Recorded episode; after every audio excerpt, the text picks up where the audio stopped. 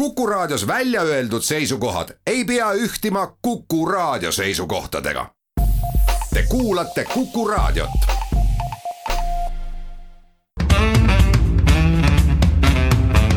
muuli ja Riikoja tere päevast, head kuulajad, kell on seitse minutit üksteist läbi ja et on reedene päev, siis ka saate Muuli ja Riikoja aeg.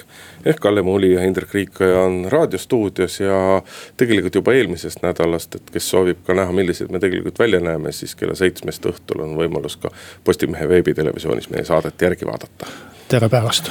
alustame tänast saadet äh, järgmise aasta riigieelarvega. valitsus kinnitas selle sellel nädalal, andis parlamendile ka üle, väga kiiresti öeldes siis äh, riigieelarve kulude maht järgmisel aastal on kolmteist miljardit eurot ja tulude maht üksteist miljardit eurot ehk peaaegu kahe miljoni, vabandust, kahe miljardi ulatuses tuleb võtta laenu, et äh, oleks raha kõigi plaanitud kulude tegemiseks. Eesti esitas sel nädalal siis praeguse presidendi Kersti Kaljulaiu äh, OSCD peasekretäri kandidaadiks ametlikult, hakkavad kohe varsti ka kuulamised ja ja siis äh, selgub, kas uus amet on tulemas või mitte. räägime ka Estonia uuest uurimisest, nii nagu me eelmise, eelmise nädala saates rääkisime. et on leitud suur auk laeva kerest ja see päädib uurimisega, nii kõik on läinud ka. ja neljanda teemana, nagu ikka, koroonaviirus. viiskümmend seitse nakatunut oli vist äh, sel homm- või täna hommikul kokku loetud eelmisest päevast, äh, arutame siis mida teha, kas peaks piiranguid seadma või mitte. muuli ja Riikoja aga nagu lubatud, alustame siis järgmise aasta riigieelarve teemaga, noh tõenäoliselt üksjagu tuliseid vaidlusi tuleb veel parlamendis äh, ette järgmistel kuudel, aga lõpuks ikka suhteliselt sarnasele valitsuse esitatule võetakse see ikkagi vastu, et põhinumbrid äh, järgmise aasta riigieelarves on siis sellised, et äh, eelarve kulude maht on kolmteist miljardit eurot, tulude maht üksteist miljardit eurot valitsussektori investeeringute maht küünib ühe koma üheksa miljardi euroni, mis ongi enam-vähem täpselt see, see summa, mis, mille jaoks tuleb, mille jaoks tuleb laenu võtta erinevate ilma, riigi. ilma laenuta paneksime riigi kinni või noh, ei paneks kinni, aga noh, see on omaette teema, selleni me veel jõuame, et kas see laenu peab võtma või, või ei pea võtma. no kindlasti märkimist väärt ettevõtmine on see, et teaduse ja arenduse rahastus tõuseb järgmisel aastal ühe protsendini SKP-st, mäletatavasti ennem valimisi. Eh, see veksel välja käidi ja eelmise aasta, eelmisel aastal, kui tehti tänavust riigieelarvet, eh, siis sellel teemal ka nagu väga palju räägiti, algselt oli selle aasta eelarves selleks eraldatud null koma seitsekümmend viis protsenti SKP-st. pensionid tõusevad, äh, tõsi küll, äh, no võib vist öelda, et vaid kakskümmend eurot äh, kuus keskeltläbi, mis tähendab siis circa viitekümmet miljonit lisakulu riigieelarvele. õpetajad, päästjad, politseinikud praeguse plaani järgi mitte järgmisel aastal, vaid aastal, vaid järgmistel aastatel palgatõusu lootma ei pea, seda neil, seda neil praeguse seisuga oodatud, oodata ei ole ja ega nii-öelda noh, tegelikult olulised teemad saavadki sellega läbi, et noh, kindlasti tasub iga riigieelarve menetlemisel meenutada seda vana tõde, et äh, et poliitikud opositsioonist ja koalitsioonist võivad lõputult vaielda selle üle, mis peavad olema prioriteedid, kuhu kulutada, kuhu mitte ei kulutada. Üle üheksakümne protsendi riigieelarvest on tegelikult alati ette ära kulutatud, tulenevalt äh, meie erinevad toetused, pensionid, meditsiinisüsteem, erinevate ametkondade ülehoidmised, kulud ja nii edasi, nii edasi, nii edasi. ehk tegelikult see nii-öelda protsent eelarvest, mille üle reaalselt saab vaielda ja kus saab nagu midagi ümber tõsta, on tegelikult nagu väga väike noh, see eelarve on siiski väga eriline eelarve selles mõttes, et ühest küljest ta on majanduskriisi aegne eelarve, aga ka võrreldes eelmise majanduskriisiga ja vist üldse kõigi eelmiste majanduskriisidega, mis Eestis on olnud.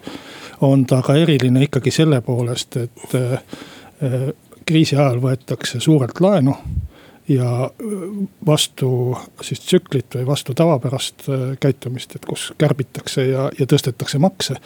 no väga hea, et see on eriline sündmus, mõtle, kui meil neid kriise pidevalt oleks ja me pidevalt selliseid arutelusid peaksime pidama. aga, aga ka võrreldes eelmise kriisiga, mis oli ka suur kriis. siis ju valiti te täiesti teine taktika või täiesti teine tee, kärbiti kõiki kulusid. ettevõtteid ei toetatud tööpuudus lasti suureks ja, ja laenu ka ei võetud.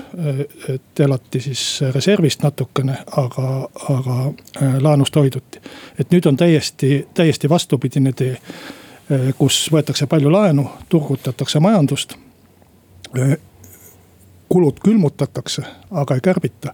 ja samal ajal makse ei tõsteta, eelmise majanduskriisi ajal tõsteti ka makse, käibemaks tõusis äh, üleöö peaaegu, et äh, kaheksateistkümnelt protsendilt kahekümnele protsendile. no vist oli üle kolme või palju see oli? üle nelja, üle nelja päeva, neli päeva oli jah, et, äh, et nüüd on vastupidi, et järgmisel aastal tegelikult eelarve järgi, eelarve prognoosi järgi siis maksukoormus peaks hoopis langema et, et kõik on teistpidi, aga see on ka mõistetav, sellepärast et kogu majanduskeskkond on teistsugune, kogu rahanduskeskkond on teistsugune, kus laenu võtmine on noh, peaks ütlema, et isegi võib-olla natukene tulus tegevus, kui, kui sa saad laenu, mille eest sulle peale makstakse.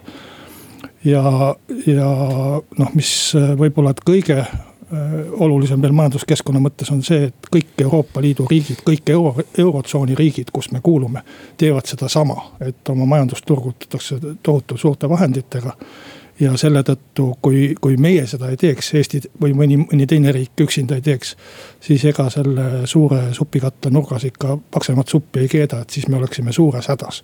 nii et noh ütleme, selline põhilähenemine minu meelest on selline sundlähenemine, et kui, kui kuidagi teisiti minna, et hakkame kõvasti kärpima või hakkame makse tõstma või, või laenu ei võta et ükskõik milline teine põhimõtteline otsus, et oleks ikkagi täiesti hävitav riigi majandusele. no kõvasti kärpimine praeguses olukorras loomulikult ei oleks õige, et Eesti teeb tihtipeale väga paljudes küsimustes nii-öelda nagu selle vea, et. ma ei tea, räägime siis põllumajanduse põllumajanduse toetamisest või, või praeguses kriisis oma turismiettevõtete toetamisest või mingist kolmandast-neljandast küsimusest. et tehakse kõike justkui nagu omamoodi, aga kui me räägime oma erinevate tegevusvaldkondade konkurentsivõime, konkurentsivõimest rahvusvahelisel tasandil, siis me peame astuma ja käima sedasama sammu, mida käivad teised riigid ja. ja antud juhul ka, kui, kui riik nii-öelda valiks äh, ilmselge kärpimise tee ja, ja minimaalselt laenu võtmise tee, siis me erineks nii, nii palju kõigist kõigist teistest Euroopa riikidest, et see meie riigi konkurentsivõimet noh, nagu see tapaks selle ära oleme päris ausad. ega tegelikult probleem ei ole ju ka see järgmise aasta laenu võtmine ja järgmise aasta eelarve puudujääk ei ole probleem. et aga, aga kindlasti on probleem see, et mingisugustel põhjustel näha, nähakse nagu väga suurt eelarve puudujääki ja veel täiendavat laenu võtmist ette ka ka ülejärgmiseks ja üle-ülejärgmiseks aastaks olukorras, kus tegelikult ka ka rahandusministeeriumi enda nagu prognoosid näitavad. et see, et seal nii-öelda majanduslanguse põhjas käidakse ära sellel aastal ja järgmisest aastast edasi peaks meil olema stabiilne nii-öelda nagu majanduskasv. ehk siis tekib küll see küsimus, et kui, kui praegu toetatakse ettevõtlust Eh, nii tublisti, siis sellega peaks ju kaasnema ka sellele, eh, ka see, et eh, maksulaekumised, kui mitte veel sellel aastal, siis järgmistel aastatel nagu ka paranevad tublisti. ehk miks on siis vaja nii meeletult võtta, võtta laenu ja nii meeletult teha seda puudujäägiga eelarvet, aga eks see noh eks selle põhjused on selles mõttes nii-öelda tõesti pragmaatilised, et me ei tohi unustada, et järgmine aasta on valimiste aasta. ja siis läheb kaks aastat mööda ja on jälle valimiste aasta. ei no meil on peaaegu kogu aeg valimiste aasta ja alati võib äh, mõt-, nuputada selle üle, et kas nüüd on pärast valimisi aeg või enne valimisi aeg. aga äh, ma arvan, et valimistega on see vähem seotud, rohkem on ta seotud sellega, et äh, seadus lihtsalt kohustab tegema riigieelarve strateegia neljaks aastaks prognoosida seda nelja aastat on minu meelest peaaegu võimatu et me ei teadnud kevadel, mis juhtub tänavu sügisel ja me ei teadnud eelmise aasta sügisel, mis juhtub järgmise aasta märtsis. ma olen sinuga täiesti nõus, et prognoosida on pea võimatu. ja, ja sel juhul tehakse prognoos, tead kuidas? miks ta on tehtud niiviisi, et, et suhteliselt suurelt laenu võtmine, kokkupoole tõmmata on palju lihtsam ja, ja seda, et me teeme eh, kavandatust parema eelarve kavandatust kokkuhoidlikuma eelarve või, või kavandatust äh, säästlikuma. seda on palju lihtsam seletada. kui sa teed prognoosi, mille või, või paned sinna sisse numbrid, mida sa pead pärast hädaga suurendama siis on sul vaja iga aasta seletada, et noh näed, jälle me ei saanud hakkama selle prognoosi piires ja jälle me peame rohkem laenama ja jälle me peame tegema rohkem kulutusi. aga ma tegelikult arvan, et, et ükski nendest prognoosidest, mis tehakse aastaks kaks tuhat kakskümmend neli ei pea tegelikult paika, ükskõik milline see prognoos on, et me ei suuda seda ära mõelda, mis juhtub siin mõne kuuga. ja sellepärast hakata arutama praegu aasta kaks tuhat kakskümmend neli üle on minu meelest täiesti mõttetu, see on selline noh soola puhumine või kohvi paksu pealt äh, ennustamine ja tegelikult selle järgi ei ole ka tarvidust. et äh, las need numbrid seal olla, äh, nende numbrite järgi ei maksta ühtegi senti riigikassast välja riigikassast tehakse väljamakseid vastavalt riigieelarvele ja see koostatakse iga aasta ja see ja tegelikult on mõtet rääkida riigieelarvest. no päris nii see nüüd ei ole, sellepärast et jah, meil ei ole komakoha täpsusega tarvis ennustada seda, milline on majanduskasv, inflatsioon, tööpuudus või keskmine palk äh, kahe tuhande kahekümne neljandal aastal. Aga samas nii-öelda seda trendi on meil vaja järgi ikkagi jälgida ja seda trendi on tarvis meil ka ennustamise mõttes teada ja tabada. ja see, see on see lihtne küsimus, et sa ei saa riiki juhtida nii-öelda projektipõhiselt, ühe aasta põhiselt, vaid sa pead riiki, riiki juhtima ikkagi mingisuguse visiooniga, noh meie tingimustes see visioon on noh, no maksimaalselt nelja aasta peale, sellepärast et neli aastat on üks valimistsükkel. aga oleme ausad, et reeglina ei ole isegi nii-öelda valitsevatel koalitsioonil isegi nii pikka. no see on küll nüüd üle valimistsükli läheb, kaks tuhat kakskümmend neli on ikka. sa saad aru küll, mida ma mõtlen, see probleem on ikkagi selles, et väga pikalt ette ei mõelda, aga ma korra tahtsin ennem kui me läheme väiksele pausile, tulla tagasi selle kärpimise juurde. et eh, ma olen nõus sellega, et nii-öelda ulatuslik kärpimine kindlasti ei ole praegusel hetkel põhjendatud, eh, sellepärast et saab hakkama teisiti, saab hakkama teisiti paremini. ja kõik meie ümber saavad hakkama teisiti, et me ei saa sellest seltskonnast irduda. aga siiski minu arust oleks võinud riik seda praegu sülle kukkunud võimalust äh, kasutada selleks, et, et, et teatud ümbervaatamisi ikkagi teha ja teatud kärpeid siiski teha, et äh, ma ei räägi sellest, et oleks, äh, ma ei räägi tingimata sellest, et peaks minema riigiteenistujate palkade kallale. kuigi erasektoris kõike seda on ju tehtud ja miks siis peaks olema kuidagi riigisektoris see asi teistmoodi niimoodi. aga mingisugused ümbervaatamised äh, võiksid ikkagi toimuda, et, et see vana jutt sellest, et äh, riigiaparaat on küll õhuke, aga ka selles riigiaparaadis on siiski efektiivistamiseks ruumi täiesti olemas. ja seda kõike võiks selles praeguses olukorras teha. Võib-olla sa ei ole tähele pannud, võib-olla sa ei ole tähele pannud, aga ma ütlen sulle, et valitsussektori kulusid kärbitakse kahe protsendi võrra, see ei ole palju, aga see on siiski kärbe.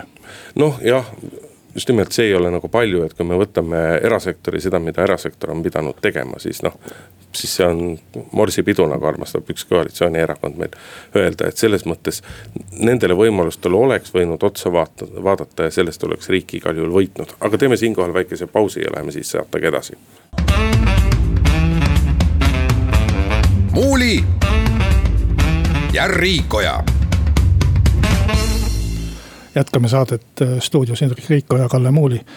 Eesti president on siis pürgimas OSCD peasekretäriks ja, ja see ametivahetus, juhul kui tal õnnestub see kandideerimine, äh, toimuks siis järgmisel suvel enne Eesti äh, presidendivalimisi. no Kersti Kaljulaid on küll ütelnud, et tema on igal juhul presidendi ametiaja ära, ehk siis see peab toimuma sügisel. seda küll jah, aga ma mõtlen, pidasin silmas rohkem uusi valimisi et äh, ilmselt siis äh, uutel valimistel ta ei kandideeriks, isegi kui tal see võimalus äh, mingil põhjusel tekiks. et ega sellist olukorda ei olegi nüüd Eesti ajaloos olnud, et ajakirjanikud tavaliselt armastavad ütelda kõikide asjade kohta, mis juba kümme korda on juhtunud, et see on enneolematu ja tehti ajalugu ja aga seda, kus ametis olev president ei tahaks kandideerida teiseks ametiajaks tõesti ei olnud Lennarti ajal, ei olnud Arnold Rüütli ajal, ei olnud Toomas Hendrik Ilvese ajal. Ja nüüd on siis selline esimene juhtum, kus president ei ürita enam teist ametiaega president olla. Toomas Hendrik Ilves muide valiti ju ära isegi riigikogus, et läks nii ludinal ja hästi. selles mõttes selline huvitav olukord jah, Toomas Hendrik Ilves valiti ära hoolimata sellest, et ega ta tollel hetkel ju väga ei tahtnud saada enam, enam presidendiks ja, ja. no teist... ega teda ikka vas... no, vastu, vastu, vastu teda. ei, seda loomulikult, et vägisi ei veetud, aga tema vastumeelsus teisel ametiajal paistis küll pidevalt välja selle ameti, ameti üle. noh, vaata, eks see on äh, eks see on hea, eks see on hea nii-öelda, oleks hea lahendus nii Kersti Kaljulaidile endale kui ka valitsusele, sest et on ilmselge, et nii-öelda tänase, tänase koalitsiooni tingimustes tõenäosus, et, et ta võiks valida teiseks ametiajaks on ikka noh, nagu üliväike ja, ja mida sa siis selles olukorras ikka te,, ikka teed ja. teisest küljest saad nii-öelda tabada, lüüa justkui kärp, kaks kärbest ühe hoobiga, et ikkagi ühele rahvusvahelisel tasandil olulisele kohale saab eestlasest esindaja, mis ei ole ka mitte väheoluline. noh, küsimus võiks olla isegi selles, et kas, kas on hääli, millega riigikogus ametis olevat presidenti üles seada, Reformierakonna esimees Kaja Kallas on küll ütelnud, et, et nemad seaksid Kersti Kaljulaiu üles, aga ma arvan, et kui läheks tegelikuks ülesseadmiseks. et siis äh, ma ei kujuta ette, kas äh, Reformierakond tahab äh, seada üles kandidaati, kes noh, ilmselgelt saab riigikogus väga vähe hääli, ehk siis opositsiooni hääled heal juhul opositsiooni hääled, kui saab. noh, kui sa nüüd mõtled muidugi selle peale, et kuidas saaks riigikogus opositsiooni hääled, siis meie senist jätame selle ühe korra välja. Äh, kui Toomas Hendrik Ilves tagasi valiti, et siis tegelikult nii palju hääli on nagu täitsa tubli tulemus riigikogus saada. no on ikka üle poolte ka saadud seal et, et selles mõttes ei, ei ole see asi nagu sugugi nii hull ja tõenäoliselt tuleks ka, tuleks ka koalitsioonis pisut häältesaaki. mina küll ise julgen, julgen arvata, et et Kersti Kaljulaid oleks valmis kandideerima ainult juhul, kui temale tullakse ja tehakse pakkumise, kus on selgelt näha, et nii-öelda äravalimiseks vajalikud hääled on, on olemas, et kui no, ei sellist tulda. pakkumist ei tule ja sellist pakkumist tegelikult ei tule ka kellelegi teisele, et äh, sellist asja, et keegi saaks garanteerida hääled äh, salajasel valimisel äh, riigikogus või, või valimiskogus, see on väga keeruline. ei no kokku leppida, kokku leppida saab ja põhimõtteliselt teha, eks ole, jah, see on omaette, et kas selline nii-öelda pakkumine tuleb või ei, ei tule, aga, aga, aga millise pakkumise peale ta nii-öelda reageeriks, et ma ei usu, et ta tule, et Kersti Kaljulaid oleks valmis kandideerima teiseks ametiajaks olukorras, kus nii-öelda võimalused on fifty-fifty, et kui ta läheks välja, siis ta läheks ainult kindla peale. mis seda OECD peasekretäri kohale kandideerimist puudutab, siis noh vot sellistel valimistel on alati kandideerijatest natukene nagu kahju, sellepärast et nad võivad ise olla väga tublid, väga head. aga määravaks saab ju tegelikult siin see, et kui hästi suudavad lobistada kandidaadi eest, antud juhul siis Eesti diplomaadid. ja kui palju suudetakse teha kaupast, et ei ole ju saladus, et selliste kohtade jagamisel rahvusvahelisel tasandil nii-öelda mängivad väga erinevad tegurid, oluline on see, et millised konkursid on veel käimas, millised kohad on veel käimas ja. ja siis käib nii-öelda selline kokkulepete, kokkulepete tegemine. ehk kandidaadil endal jääb, jääb eelkõige kandideerimisrõõm, aga küllalt vähe võimalusi selleks, et ise kuidagi oma valimist äh, mõjutada. no nii see on, see on riikide kokkulepe ja ega Eesti šansid sellistes konkurssides ei ole kunagi väga suured, sellepärast et äh, Eesti on väike ja mitte väga mõjukas riik ja tal on, tal on ja, ja sinna ikkagi pürgitakse, see on, see on ükskõik, mis me võime ütelda selle koha kohta, et see on mõttetu ametikoht või, või lihtsalt äh, mis iganes. aga selle koha taga on ikkagi riikide prestiiž mina sain selle koha, meie riigi esindaja juhib seda ja, ja istub selle tooli peal. ja selles mõttes sinna kindlasti surve on tugev. ja, ja ma ei ole sugugi noh, väga optimistlik selles osas, et me saame äh, Kersti Kaljulaiu selle ametikoha peale.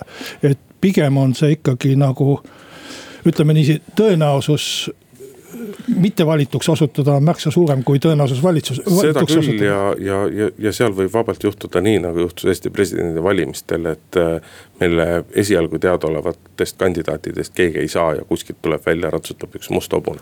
aga teeme siinkohal pausi, kuulame pool tunni uudised ära ja siis läheme saatega edasi.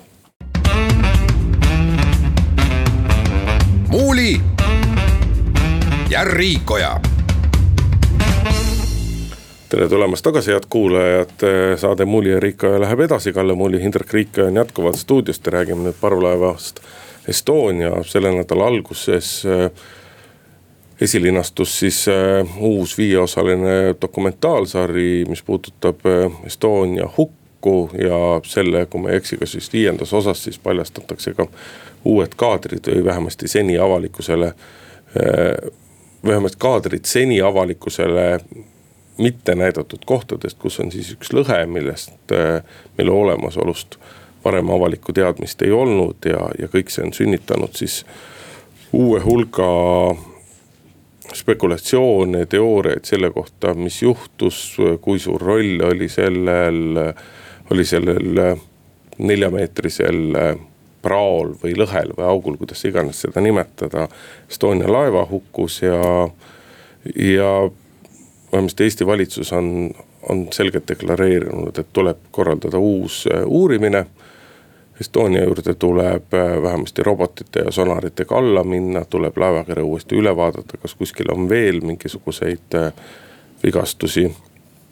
kui kõike seda kokku võtta, on nagu väga keeruline, et, äh, et hoogu on saanud kõik, hoogu on saanud need, kes ütlevad, et et mitte mingisugust rolli sellel lõhel ei ole, näidatakse graafikuid, skeeme, kuidas laevad püstivad, kus kohas vett jookseb, kuidas siis laevad käitub kuni siis selleni välja, et äh, aastatel kaks tuhat viis kuni kaks tuhat üheksa äh, laevahukku uurinud äh, komisjoni juht Margus Kurm teatas silma pilgutamata, et tegemist ikkagi, et selle lõhe tõttu Estonia hukkus ja selle lõhe põhjustas Rootsi allveelaev noh, filmis endas ju ei seostata otseselt seda auku laevahukuga, vähemalt ei väideta, et see on laevahuku põhjus. filmis näidatakse, et selline auk on olemas ja püstitatakse hulk küsimusi lihtsalt, et mis selle tekitas ja, ja, ja seal ei ole ka vastust selle kohta, mis selle tekitas, vaid esitatakse küsimusi, mis. mis ju filmitegijate poolt on noh, täiesti mõistlik kui nad sellise augu avastasid. aga ma arvan, et võib-olla peaks inimestele kõigepealt rõhutama, et film ja tegelikkus on kaks asja, üks asi on, on ikkagi kunstiteos, isegi kui ta on dokumentaalfilm. kuhu sa öö, valid kaadreid Äh, valid esinejaid. Äh, ühesõnaga, see on ikkagi mingisugune lõige elust, isegi kui ta on väga eluline. Ja nagu nüüd. ja ta on teatav režissööri nägemus, mida ta siis realiseerib läbi selle filmi. et, et kui, kui me suudaksime vahet teha tegelikkusel ja filmil, et see oleks nagu esimene äh, tubli samm edasi ja nüüd nagu on selgunud, siis tegelikkus on natukene teine, kui seal filmis on filmis ei ole midagi valesti, ega, ega filmis ei ole ka noh, mingeid moonutusi ilmselt. Aga filmist on osa musta materjali välja jäetud, mis on ka loomulik, et ega kõiki äh, asju filmi ei panda, et filmi pannakse see, mis nagu filmi tegijatele oluline tundub või kontseptsiooni või, või mingisuguse äh, käigu, käigu suhtes mõistlik on.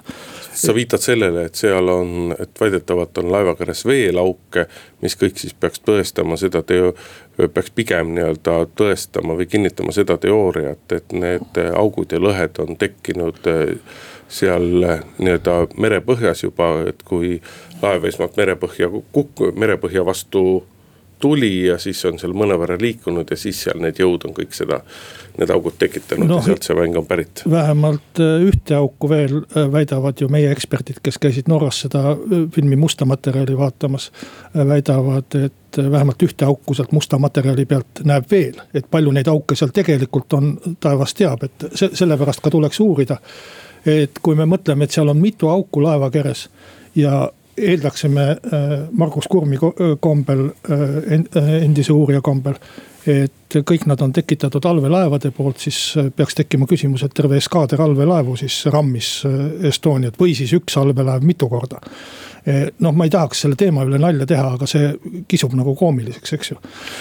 no nüüd sa teed muidugi selles mõttes liiga, et, et koomiliseks seda asja nimetada on, on keeruline ja.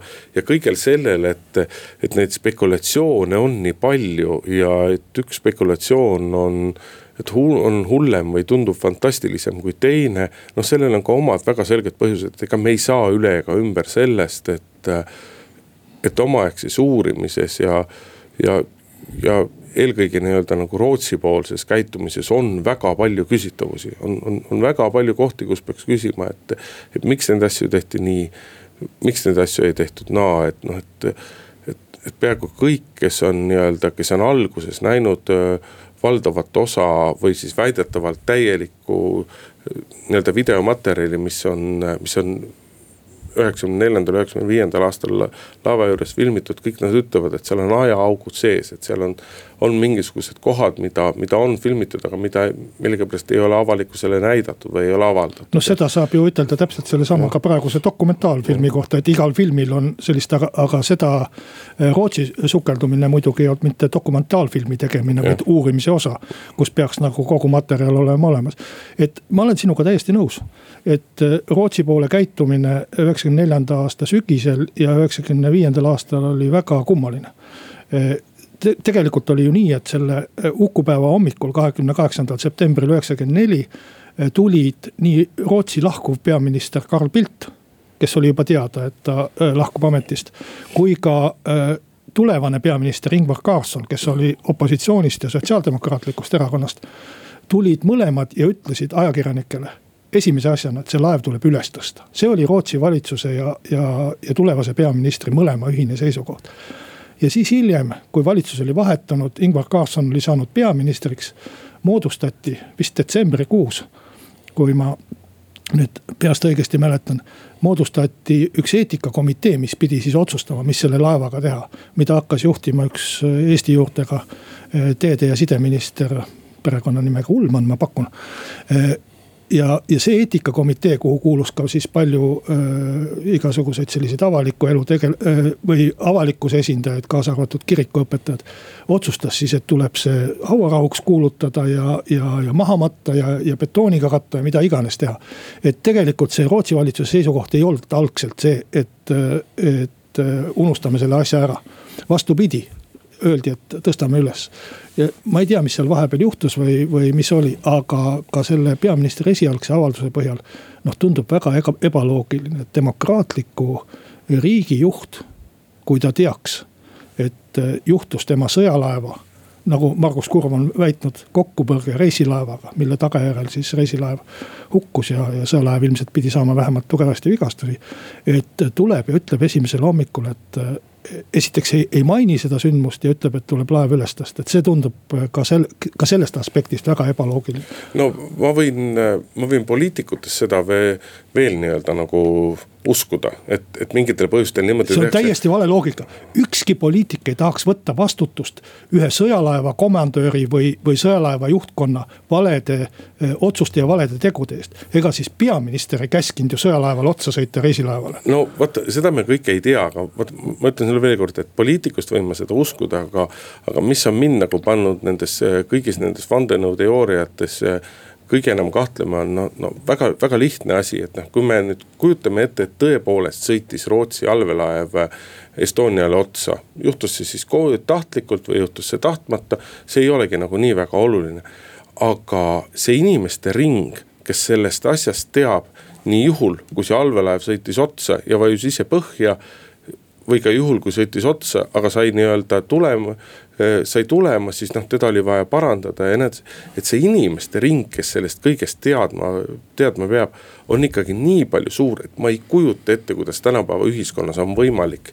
nii suure hulga inimeste suud nii põhjalikult täis toppida, et kahekümne kuue aasta, aasta jooksul ei tule sealt nii-öelda ühtegi sellist usaldusväärset äh, usaldusväärset infot välja, et ma lihtsalt ei kujuta seda ette ja see nagu paneb mind kahtlema igasugustes vandenõuteooriates. Indrek, ka sel juhul, kui see allveelaev oleks sinna merepõhja jäänud ja ära uppunud ka sel juhul oleks neid teadjaid olnud sama, sama palju, veel rohkem. aga, seda ma ütlengi, sest et hukkunud Al. allveelaeva peal teenib, no ütleme viiskümmend kuni sada meest ohvitserid, allohvitserid, kes on elukutselised sõjaväelased ja kes ei ole nagu kaheksateistaastased poisikesed.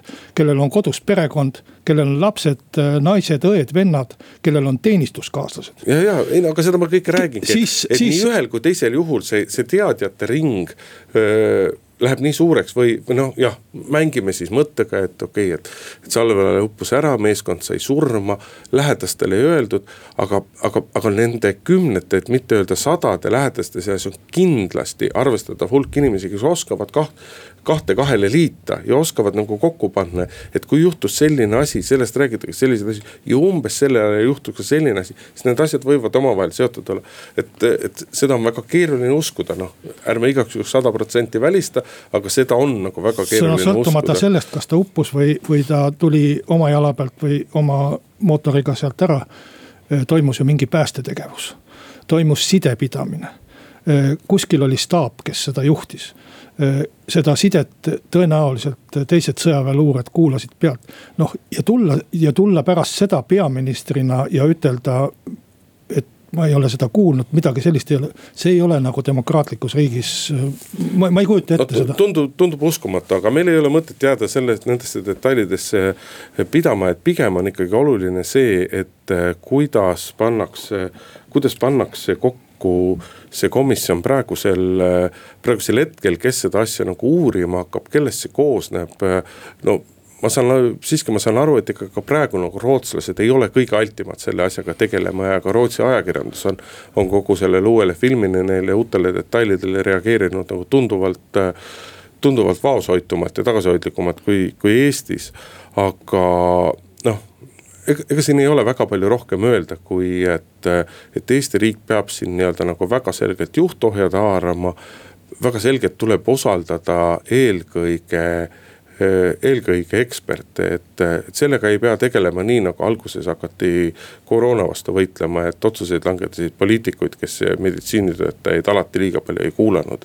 et siin peab usaldama nii-öelda nagu spetsialiste, aga isegi kui kõik see on läbi, kui on selgunud, kas siis äh, noh, mis iganes, kas on selgunud, et keegi või miski tekitas need asjad või siis nad ikkagi on tekitanud merepõhjas. et ega muidugi kõik need spekulatsioonid ei kao pärast seda ka, pärast seda ka ära, sellepärast et kuigi noh, nii ei ole ilus öelda, aga Estonias ei hukkunud ju, Estonias hukkunud eestlaste hulk ei olnud nii väga suur, et rootslasi hukkus kordades rohkem. see ajahetk, see laev, see kõik äh, see kõik tekitab olukorra, kus, kus selline õnnetus nii-öelda jääb meid ikkagi saatma aastakümneteks no,. Rootsi häda on see, et nad on kriminaliseerinud ka sinna laeva juurde sukeldumise. ja selle, selle alusel on algatatud kriminaalasi äh, ühe selle filmi tegija vastu. kahe, ma saan siis aru. Äh, et et äh, nüüd, kui nad äh, ütleksid, et äh, sukelduge pealegi, siis tegelikult see on nende seadustega vastuolus. Eesti on teinud nii, et laeva juurde sukeldumine iseenesest ei ole kriminaliseeritud, see ei ole kuritegu. kuritegu on siis, kui me läheksime sinna laeva peale, võtaksime sealt asju või tõstaksime neid ringi või tooksime midagi pinnale. et sukeldumine Eesti seaduste järgi on lubatud.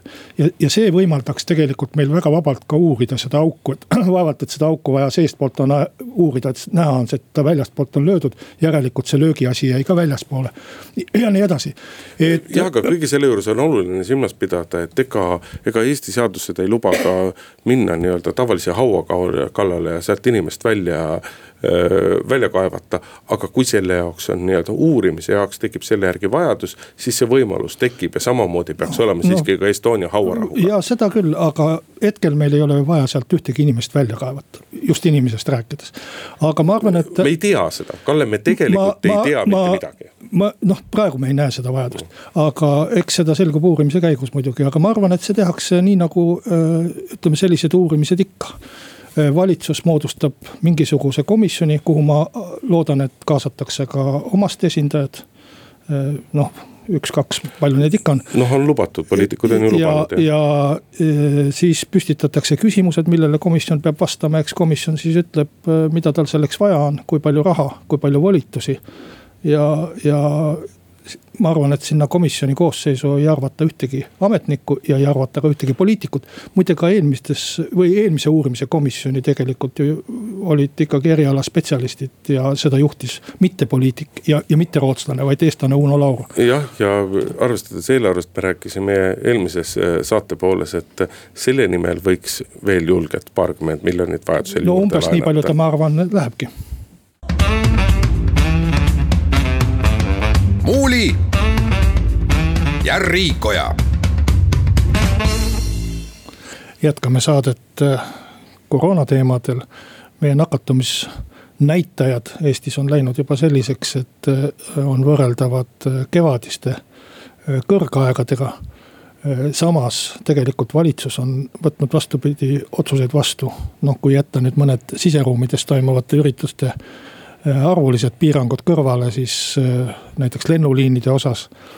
ja, ja, ja mõnel muul pool veel on võetud vastu hoopis äh, teistsuguseid otsuseid, et on, on muudetud režiimi leebemaks, et kui enne sai, sai lennata Tallinnast ainult kuude või seitsmesse pealinna, siis praegu on noh, praktiliselt igale poole võimalik. Euroopas kas vist oli kolm kohta, kuhu ei saa lennata. jah, noh, võib-olla nendesse kohtadesse ei tahagi keegi lennata, aga no,. Pariis on ikka ilus. aga. ma pole käinud küll, tõsi. aga noh, nii et tegelikult lähenemine on jälle peaaegu et risti vastupidine kevadisega, et elame üle püstijalu kannatades. no eks spetsialistid ütlevad selle kohta, et, et kevadega erinevus on see, et, et kõige valdav osa valdav osa nakkusallikaid on väga täpselt teada, et need on selliste mitte väga suure hulga kollete põhised, noh loomulikult sinna tuleb pisut muud ka, et haiglaravi vajavate inimeste hulk on, on tunduvalt väiksem, kui ta oli, oli kevadel, et, et selles mõttes on see haigus nagu teistmoodi